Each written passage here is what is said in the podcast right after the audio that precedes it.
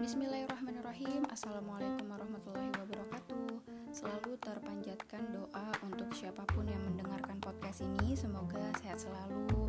Allah cukupkan rezeki dan limpahkan berkah dalam hidup. Amin. Nah pada kesempatan ini kita akan bahas A miracle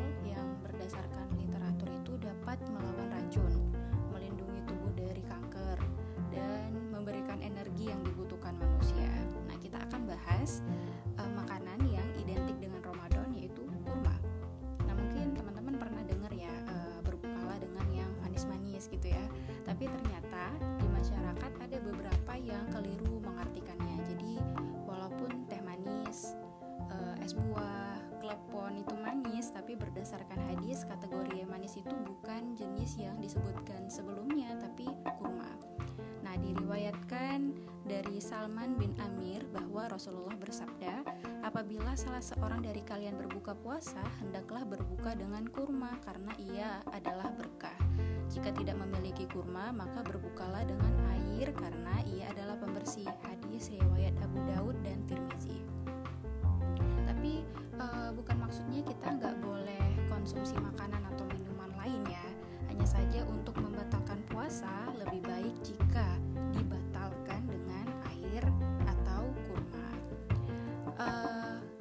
sih harus kurma gitu ya? Karena ditinjau dari kandungannya, kurma itu mengandung 20 sampai 24% air dan gula 70 sampai 75% dan kandungan protein dalam kurma itu 2 sampai 3% dan serat 5 sampai 8%. Nah, tubuh menyerap unsur-unsur ini dalam hitungan beberapa menit saja. Jadi dalam waktu singkat dapat memberikan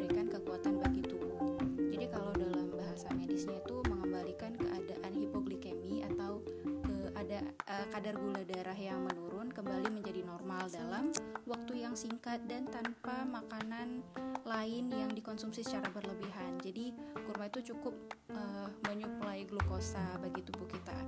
Nah, ringkasnya, kurma ini merupakan makanan yang mudah dicerna, baik itu secara teksturnya, dia kan lembut tuh, baik secara jumlahnya, dia karena e, bentuknya besar ya, bentuknya tuh kecil, jadi jumlah yang kita makan pun tidak terlalu banyak, e, dan it, dan itu membuat lambung tidak e, terlalu ekstra dalam bekerja, sehingga tidak memberatkan lambung, tidak memberatkan organ lainnya.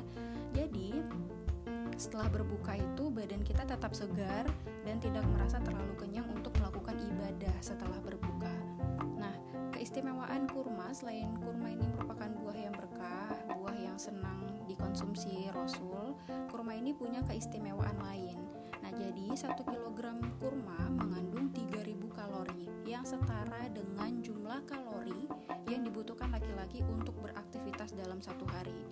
Nah, kalori yang dihasilkan dari 1 kg kurma ini setara dengan 1 kg daging, setara juga dengan 3 kg ikan. Nah, penjelasan dari Dr. Mustafa Abdul Razik Naufal, seorang ahli Universitas Al-Azhar, di mana mengonsumsi 10 butir kurma atau setara dengan 80 gram daging kurma memberikan 10% dari kebutuhan vitamin niacin setiap hari. Jadi vitamin niacin ini berguna untuk melindungi kita dari masalah pencernaan, masalah saraf, masalah kulit. Dan kurma ini disebut-sebut juga sebagai tambang karena dia punya banyak saking banyaknya fosfor, ada kalsium, ada magnesium, zat besi, sodium, sulfat dan klor. Nah, jadi uh, yuk sama-sama kita ubah pola berbuka kita di Ramadan kali ini ya tujuannya kembali lagi supaya ibadah kita lebih enjoy terus berpulang kepada hakikat puasa yang sebenarnya ya yaitu menahan gitu jadi uh, biasanya uh, asatis itu sering selipkan intermezzo kalau siangnya puasa ketika berbuka puas ah gitu nah uh, itu saja bincang-bincang kita kali ini penjelasan di atas aku ambil sumbernya dari buku Profesor Dr. Said Hamad judulnya Khasiat Kurma dan sekali lagi marhaban ya Ramadan karena salah satu sunnah menyambut uh, Ramadan itu adalah menyebarkan kebahagiaan ya atas hadirnya Ramadan tetap semangat dan sehat selalu. Assalamualaikum warahmatullahi wabarakatuh.